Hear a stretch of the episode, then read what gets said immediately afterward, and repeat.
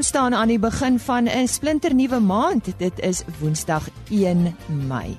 Op RC Landbou vanoggend, ons uh, vind meer uit oor die graanhanteringsorganisasie van Suidelike Afrika GOSA en praat ook oor in- en uitvoere van graan.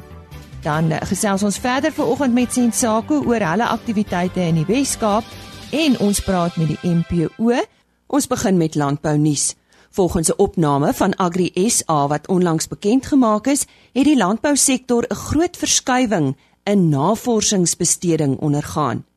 Die opname toon dat geld toenemend meer in navorsing deur privaat instellings en universiteite belê word en minder in die Landbounavorsingsraad.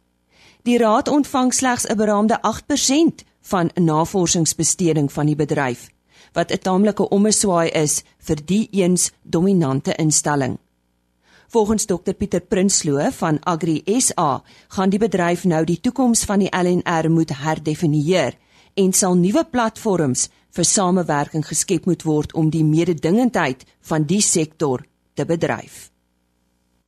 Ons het gisteroggend met Dr Fransa Kokemoer gesels. Hy is van Sensako. Hulle is daar geleë in Bethlehem oor hulle navorsingsprogramme en hy het ook verduidelik wie is Sensako. Vanoggend praat ons oor hulle aktiwiteite in die Wes-Kaap. Ja, Frans, sal verduidelik vir ons wat julle aktiwiteite in die Wes-Kaap behels. Moralise, ja, Sensako is is reeds verskeie dekades in die Wes-Kaap besig met kultivare ontwikkeling, navorsing en produksie van saad. Uh, ons het 'n uitgebreide SST koringkultivar reeks wat aangeplant kan word. Bemarking van Sensako se produkte in die Wes-Kaap word grootendeels gedoen deur drie Kaapse landboumaatskappye. Hulle is Kaap Agri, Oeverberg Agri en SSK en hulle handels en hulle handelstakke uh deur in die verskeie ondergebiede of in die verskeie gebiede hanteer die bemarking dan van ons koringsaad. Sensako is ook nou betrokke by verskeie landbouverenigings in die streke se boere daar, studiegroepvergaderings en gewasbesigtigings besigtigings daar. Dan sit Sensako 'n 100% markandeel in hierdie produksiearea. Ons gesels oor koringkultivar ontwikkeling. Hoe word so 'n nuwe koringkultivar ontwikkel? Lisa, alle navorsing en koring uh, of alle navorsings en ontwikkelingsaksies word vanaf Bethlehem en Napier gedoen. Ehm um, koringontwikkeling begin in die glashuis met kruisings van geskikte lyne, aanvanklike seleksies op segregerende materiaal wat dan daarna volg en dan wanneer 'n kruisings in die veld uitgeplant en getoets word. Die beste lyne word in opbrengsproewe getoets in die verskillende verskillende verbouingsgebiede waarna die beste lyne voorgelê word vir vrystellings as kultivars na 3 jaar se navorsingsproewe. Lyne wat die proses slaag word as 'n SST kultivar geregistreer. Hierna volg saadvermeerderings en teelersaadproduksies en gesertifiseerde saad is dan beskikbaar aan die produsent vir aanplanting. Die proses van koringkultivar ontwikkeling neem toe neem ongeveer 12 jaar en in 'n nuwe verbeterde kultivar in die mark te plaas en kos tans meer as 16 miljoen rand per kultivar. En in die koringteelprogram, waarop fokus julle? Daar is baie eienskappe waarop ons fokus omdat die vrystellingsnorme normes vir nuwe en verbeterde kultivar streng is. Daar is agronomiese eienskappe wat vir die boer belangrik is, soos opbrengs, staanvermoë, pitvasheid en groeiperiode siekteweerstand teen die heersende siektes en dan na die einde op die einde is dan die eindverbruiker kwaliteit wat wat graankorrel eienskappe, hektoliter massa, graanproteïen, ekstraksie en menige ander eienskappe insluit. Die kuns van planteteelt is om egter om vereiste eienskappe en vereistes in een genetiese agtergrond in te pak uh om die beste voordeel vir die produsent en verbruiker te verseker. Uh Franso en op watter ander areas fokus julle? Daar is verskeie ander aspekte wat ons ook navors. Dit besluit aan aanvullende besproeiingspraktyke om minder water in produksie te gebruik sonder om opbrengs in te boet. Die gebruik van groeireguleerders om omval van koring by hoë opbrengsvlakke te verminder en stroopverliese te beperk. Daar is ook 'n fokus op ander nisprodukte vir die mark en die eindverbruiker. En daar is ook 'n reeks ehm um, Roundup Ready sojabone, nie GMO mieliebasters, sonneblom en weidingsgewasse wat aangeplant kan word. Watter weidingsprodukte van Sensako is beskikbaar vir ons boere? Ehm um, liewe vir die winterweidingsperiode wanneer natuurlike veld minder voedsaam en on, en onsmaaklik is, ehm um, speel aanplant aangeplanting weidings 'n uh, belangrike rol om veekuddes en biomassa te voorsien. Uh, Sensako se weidingskultivars word in die somer en winterreën gebied aangeplant met groot sukses. Haver word gedurende die herfsperiode aangeplant en verskillende groei uh, seisoenlengtes is beskikbaar om by enige plantheid aan te pas. Haverkultivar sluit in SSH 491 in graanhaver, SSH 39W wat in winterweiding met goeie biomassa en hergroei is, het en dan SSH 423 'n meerdoelige haver vir weiding, sny en baaldoeleindes. Daar is drie nuwe basters vry havers vrygestel uit die internasionale samewerkingsprogram met Australië en die havers is in die seisoen reeds beskikbaar. Rog en voergras kultivars is ook beskikbaar om verskillende tye van die seisoen voer te verskaf aan aan aan die produsent se vee. Nou gewasverbouing klink of dit baie tegnies van aard is. Waar kan boere meer inligting oor die verbouing kry? Lise, elke gewas wat aangeplant word, het sy unieke know-how vir suksesvolle verbouing. Tegniese inligting oor al die verbouingspraktyke per uh, aspekte, sorry, kan dan by Sensako se kundiges verkry word. Sensako se teelers en produksiespesialiste is deurgangs met veldbesoeke uh, besig en ook uh, in, in oorseese reise en plaas en plaaslike kundiges in die proses van evaluering van aanplantings en produksiepraktyke sodat die nuutste en die beste tegniese inligting beskikbaar gestel kan word om aan elke was suksesvol te bestuur. So waar kan ons meer uitvind oor julle produkte? Ehm um, Sensako het 'n webtuiste www.sensako.co.za waar inligting oor die onderskeie kultivars beskikbaar is, asook tegniese inligting oor die plantdatums in die verskillende gebiede, suidighede waarteen aangeplant moet word, asook ander aspekte van die verbouing van hierdie van hierdie kultivars. Sensako is op sosiale media en navraag kan aan ons gestuur word. Sensako het ook 'n uitgebreide agente netwerk wat elkeen kan bystaan met die nuutste inligting. Kontak ons gerus op ons kan by ons kantoor op Bethlehem by 058 303 4690. Franso, herhaal net vir ons daardie eh, telefoonnommer asseblief. Uh 058 303 4690. En 'n webtuiste soos hy genoem het is www.sensako.co.za en dit was dan die stem van Dr. Franso Kokemoer. Hy is direkteur van navorsing en ontwikkeling by Sensako en hulle is daar op Bethlehem geleë. Nog landbou nuus, volgens 'n onlangse verslag van die Departement van Water en Sanitasie, is die Wes-Kaapse damme in 'n beter toestand as gedurende dieselfde tyd verlede jaar. Die Wes-Kaapse watervoorsieningsstelsel wat uit 6 damme bestaan, is tans op 46,91% in vergelyking met die 19,61% vir dieselfde tyd verlede jaar. Volgens Sputnik Ratal, woordvoerder van die Departement van Water en Sanitasie, is daar 'n effense toename in die Gamkadam wat die Beaufort Wes omgewing in die Karoo van water voorsien. Volgende aan die woord is Henny Maas. Ons uh, gesels met Corlia Oberholster van die MPO, sy is die opleidings bestuurder by die MPO. Cordia, jy's nou nie by die uh, instituut, dit is nou die MPO se opleidingsinstituut. Uh, vertel 'n bietjie van jouself en wat jou verantwoordelikhede is. Uh, ja, ek het uh, nog gister 2016 begin as die opleiding en kliënte ondersteuningsbestuurder en ek is basies verantwoordelik vir die organisering en implementering van al die opleidingkursusse wat ons aanbied. Ehm um, en dan ook die bemarking daarvan. Nou my ouers is self melkbore in Limpopo, so ek is gewoond aan die melkbedryf en ek weet presies dan hoe belangrik dit is om 'n opgeleide werksmag te hê. En ehm um, wat daai opgeleide werksmag vir die ehm um, plaasbestuurder kan beteken. So basies is die uiteinde doel dat ek dan nou die skakel is tussen die boer en tussen die NPO instituut want daai is vir ons 'n baie belangrike verhouding. Nou jy jy, jy het onlangs hier nuus gekry dat eh uh, dat die suiwel beroepskwalifikasie geregistreer is by die Suid-Afrikaanse kwalifikasie owerheid. Uh, wat beteken dit presies? Okay, wel, so ons is al lank besig met die ehm um, beroepskwalifikasie om hom te ontwikkel en ons het al reeds om begin implementeer in 2016. Maar sover enigiemand wat dit voltooi het, kon ons net namens die bedryf hulle kwalifikasie uitstuur. So nou kan ons hulle finaal registreer as SAQA gekwalifiseerde suiwelplaasbestuurders. Nou basies hoe hierdie kwalifikasie werk is dis 13 modules wat jy kan voltooi en dit omsluit dan al die dissiplines van die suiwelbedryf. So dit is van kalf grootmaak, voeding, reproduksie, al die pad tot by ehm um, besigheidsbestuur en dan leierskap ehm um, kursusse wat hulle dan sal voltooi. En en watter kursusse word as uh, as die belangrikste beskou wat uh, alle melkbore moet doen? Sover vir ons, hierdie jaar konsentreer ons op die Code of Practice. Uh dit is 'n kursus wat ons saam met die Suiwel Standaard Agentskap uh ontwikkel het en dit is dan om voedselveiligheid te verseker vir plaas of vir enigiemand wat eintlik melk lewer en enige voedsel lewer.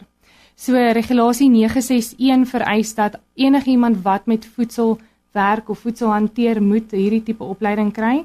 En ehm um, as 'n pluspunt as jy dan ook hierdie opleiding doen, as jou plaas geoudit is, dan kan jy dit ook as bewyse lewer. Nou eh, die melkbore is reg oor die land versprei.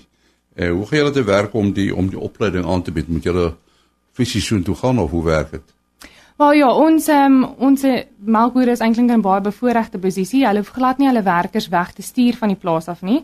So ons sal 'n fasiliteerder na hulle toe stuur en dan ja, dan kan hulle die opleiding op die plaas doen. So uh, jy hoef nie die werkers uit die werk uit te hou nie en jy kan ook dan nou kies watter datum vir jou die beste sal pas en watse tyd. So dit is so ontwerp dat ons om jou melktye werk en om jou skedule heeltemal aanpasbaar vir die boer. En en wat sien mense wat die opleiding ontvang se reaksie op hierdie opleiding? Ons kry baie goeie reaksie terug. Die ehm um, of terugvoer is vir ons vreeslik belangrik. Ehm um, ons kry van elke opleiding kursus wat ons doen vir ons dan vir die boer en vir die student as ook die fasiliteerder terugvoer want dis basies waarop ons bou en waarop ons verbeter.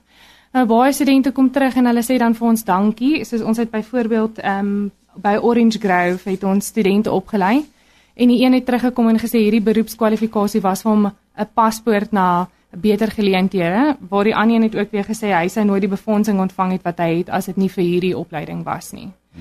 Ehm um, in die Ooskaap het ons ook 'n baie welbekende boer, 'n uh, opkomende boer wat dan nou glo in training en hy doen ook ons beroepskwalifikasie vir nie net hom nie, maar ook vir sy werkers. So hy sê openlik dat hy glo nie in ongeskoelde werksmag nie en hy skryf heeltemal toe enige van sy sukses skryf hy toe aan daai opleiding en eintlik net opleiding in ja, in general dan nou. Ehm um, so hy het ook hulle het 'n audit onlangs by sy plaas gedoen en danksy daai code of practice wat ons by hom gedoen het, het hy as een van die topplase daar uitgekom. En en wat is julle planne vorentoe? Maar ons ontwikkel jaarliks ehm um, nuwe ja, nuwe kursusse soos wat die behoeftes ontstaan in die industrie. Ehm um, op die einde is die MPO Instituut vir die boer geskep deur die boer. So uh, wat ons nou aan werk is nie val nie heeltemal in die melkbedryf nie. So ons doen ook opleiding vir die voerkrale en die rooi vleisbedryf. En ehm um, ja, ons werk aan 'n reeks bestuursopleidingsprogramme vir opkomende boere en die rooi vleisbemarking is wat ons dan nou in die einde van die jaar gaan uitrol. Ja, ons sê baie dankie aan Cordia Oberholzer wat eh, die opleidingsbestuurder is by die MPO se opleidingsinstituut. Ons gesels volgende oor die graanhanteringsorganisasie van Suidelike Afrika en ek praat nou met Hein Reer. Ja Hein, waar pas Gosa of die graanhanteringsorganisasie van Suidelike Afrika in die waardeketting in? Lisa, ja, môre baie baie dankie vir die geleentheid uh om vir jou so 'n bietjie te kan vertel oor Gosa of uh, soos ons maar almal sê graanhanteringsorganisasie van Suidelike Afrika. Die Graanhanteringsorganisasie is 'n skakel tussen feitelik alle sektore binne die waardeketting van landbou. Uh ons lede bestaan uit produsente, graanhanteerders, weet logistieke organisasies, die mense wat die finansiering doen van graan, graanhandelaars, die kopers, verwerkers, uh ons is uh, ons het bemarkers by ons. Uh verskaffers van masjinerie, toerusting, berookingsmiddels gifstowwe so ons ons dek regtig waar ons dek die breë wye spektrum van wat binne die landbou aangaan of binne die landboufamilie. Uh ons bied werkswinkels aan uh wat uh, knelpunte oplos wat mag opduik binne die landbou. En dan nou ons ook jaarliks ons ons simposium uh waar ons dan almal binne die bedryf nooi uh om dit by te woon uh ons het gewoonlik uitstekende sprekers. En natuurlik dan die belangrikste is die interaksie wat plaasvind binne almal wat die kongres bywoon binne die landboufamilie om te kyk dit wat uh probleme wat daar mag wees of ons dit op een of ander manier daar kan bespreek kan uittrap. So ons stel jy weet ons stel basies 'n platform daar vir mense om wat probleme het uh, dit vir ons uh te kom noem en dan probeer ons dit daar dan op uh, oplos. Ons is gewoonlik uh so tussen 300 en 350 kongresgangers elke jaar by die kongres van van Gosa. Nou ek verneem julle het onlangs samesprekings met Agbus gehad. Wat was die rede hiervoor? Lisa ja, Agbus uh, ons het enig gesels met Agbus Grain uh wat uh, kom ons sê 'n onderafdeling is van Agbus wat die moedermaatskappy is. Uh Agbus Grain en ons het bymekaar gekom. Daar was 'n gevoel dat daar duplisering is met die werkswinkel streep 'n simposium wat ons jaarliks hou. En uh, toe het ons besluit om uh, om om om met hulle te vergader en ons het uh, vir professor Johan Willemse van die Vrystaatse Universiteit uh, gevra om op te tree as fasiliteerder. Hy het basies met almal binne die bedryf eers op uh, soos ons nou sê een op een one on one gaan gesels en toe het ons bymekaar gekom uh, die bestuur van Gosa en Ekbus Grain en uh, toe het hy ook daar vir ons as voorsitter opgetree en toe het ons alle moontlikhede deurgetrap en uitgetrap en uh op die einde van die dag uh die uitkoms van die vergadering was dat die, die mandate van die twee organisasies wesentlik verskil. So ek wil vir jou sê op die huidige stadium sal dit baie baie moeilik wees dan vir die twee organisasies om een te word daar was verseker eensstemmigheid uh, dat beter koördinasie en samewerking noodsaaklik is.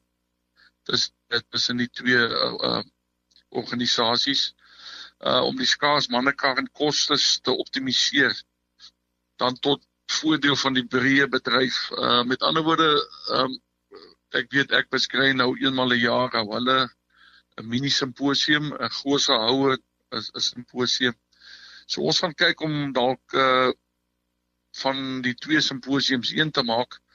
Uh alhoewel daar op verskillende vlakke met uh, die verskillende twee uh, simposiums uh be, beplan word en onderwerpe wat wat deurtrap word. Uh sal ons kyk in die toekoms en dan veral wat die heel belangrikste is is die uh, uh werkswinkels.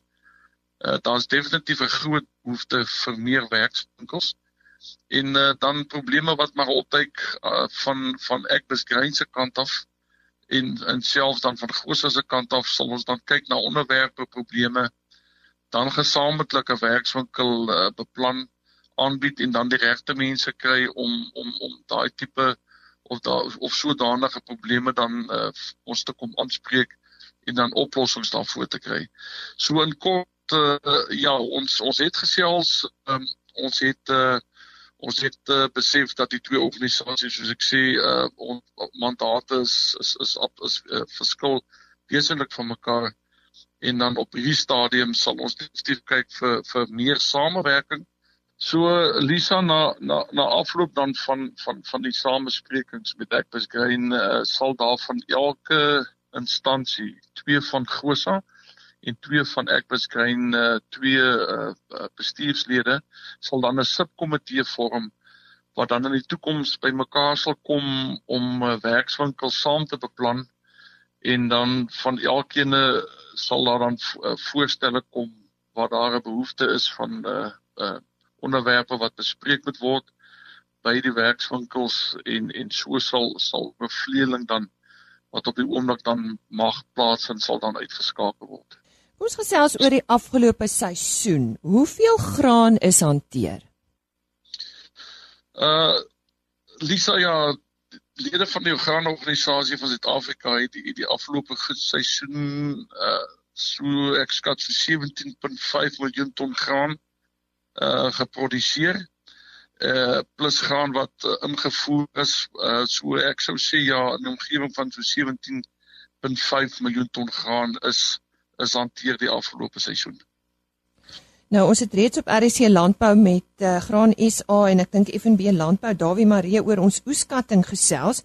Uh maar wat word van die ander mielieproduserende lande in Suider-Afrika verwag? Dis interessante syfers wat jy miskien met ons kan deel.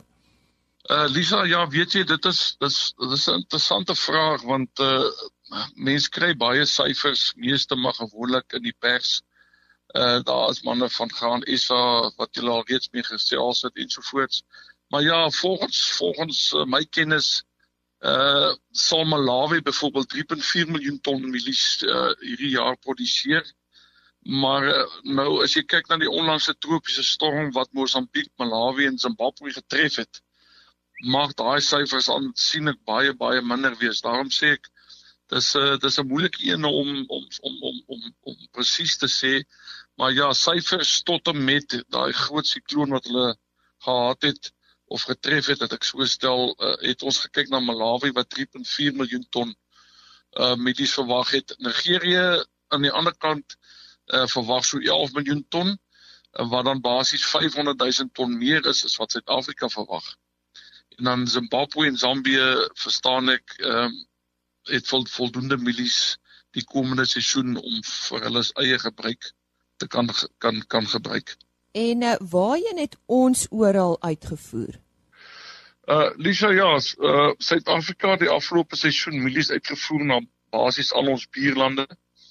Uh Botswana, Lesotho, uh Mosambiek, uh Swaziland en natuurlik ook Namibië wat uh, soos ons weet uh, deur 'n knellende droogte gaan dinge lyk nie baie lekker by hulle nie. Uh, maar ons het ook na Afrika lande toe uitgevoer. Uh, ek weet van geel mielies wat na Ghana toe is en natuurlik Ethiopië wat verskriklik sukkel met voedsel vir hulle mense. Het ons uh, wit mielies na toe uitgevoer. Dan deur ons hawens uh met ander woorde buite die Afrika deel buite wat hierdie hawens gegaan het het ons baie witmielies na Italië en Spanje gestuur en natuurlik Korea, Italië en Taiwan het heelwat van ons geelmielies ontvang. En uh, Ein, wat is uh, alles ingevoer? Uh Lisa, in, invoere wat ons gekry het uh, was koring wat gekom het vanaf Kanada en Amerika. Ons het ook 'n bietjie gekry van Argentinië en Duitsland, daar uit die Oekraïne uit. Uh Rusland selfs ook en dan net Tsjechoslowakye, So witmielies het ons uit daai dele gekry en dan geelmielies, uh, ekskuus tog geelmielies uh, deur Kaapstad hawe soos gewoonlik kruis maar uit Suid-Amerika uit. Ja, dit was 'n interessante gesprek wat ek gehad het oor ons uh, graan in en uitvoere en ook uh, wat die rol is van die graanhanteringsorganisasie van Suider-Afrika en ek het gesels met Hein Reer. Ek het tydens een van ons groot landbougeleenthede daar in die Wes-Kaap die afgelope naweek met Jersey SA gesels. En ek het gesels met Tessa Opperman. Sy is administratiewe beampte. Kom ons gesels 'n bietjie oor die jerseys in Suid-Afrika. Ek dink die jerseys is al lankal deel van Suid-Afrika. Net eerstens, julle het 'n genootskap. Wat wat is julle ledetal? Weet jy Elise, ons is tans um ons aktiewe lede getal is so 130 lede en dan het ons ook 'n onaktiewe lede getal van so 35 lede. En die diere, hoeveel diere is daar in Suid-Afrika? Ja, ons amptelike laaste telling wat ons geneem het, was dit net so oor die 50000 diere, so 50600 gewees. Nou julle het 'n banier hier op wat sê waarom Jersey melk? So ja, vertel vir ons, waarom is Jersey melk so belangrik? Nou ons weet almal praat altyd van Jersey melk, praat is met die Jersey of die melk met die room en die geel kleur daarvan. Maar ehm um, ons weet dat Jersey melk het ook 'n baie groter waarde as gevolg van die vaste stowwe wat jy in die melk verkry.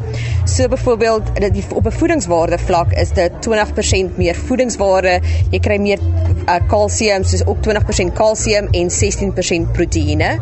En dan op 'n produksievlak kan jy baie meer kaas met Jersey melk maak, soos mozzarella mozzarella kaas kan jy 20% meer mozzarella kaas kry, 20% meer uh, cheddar kaas en op 'n botterproduksie vlak 31% meer. Ja. Vertel ons bietjie van die Jersey. Hoe lank is die Jersey al deel van boerdery in Suid-Afrika?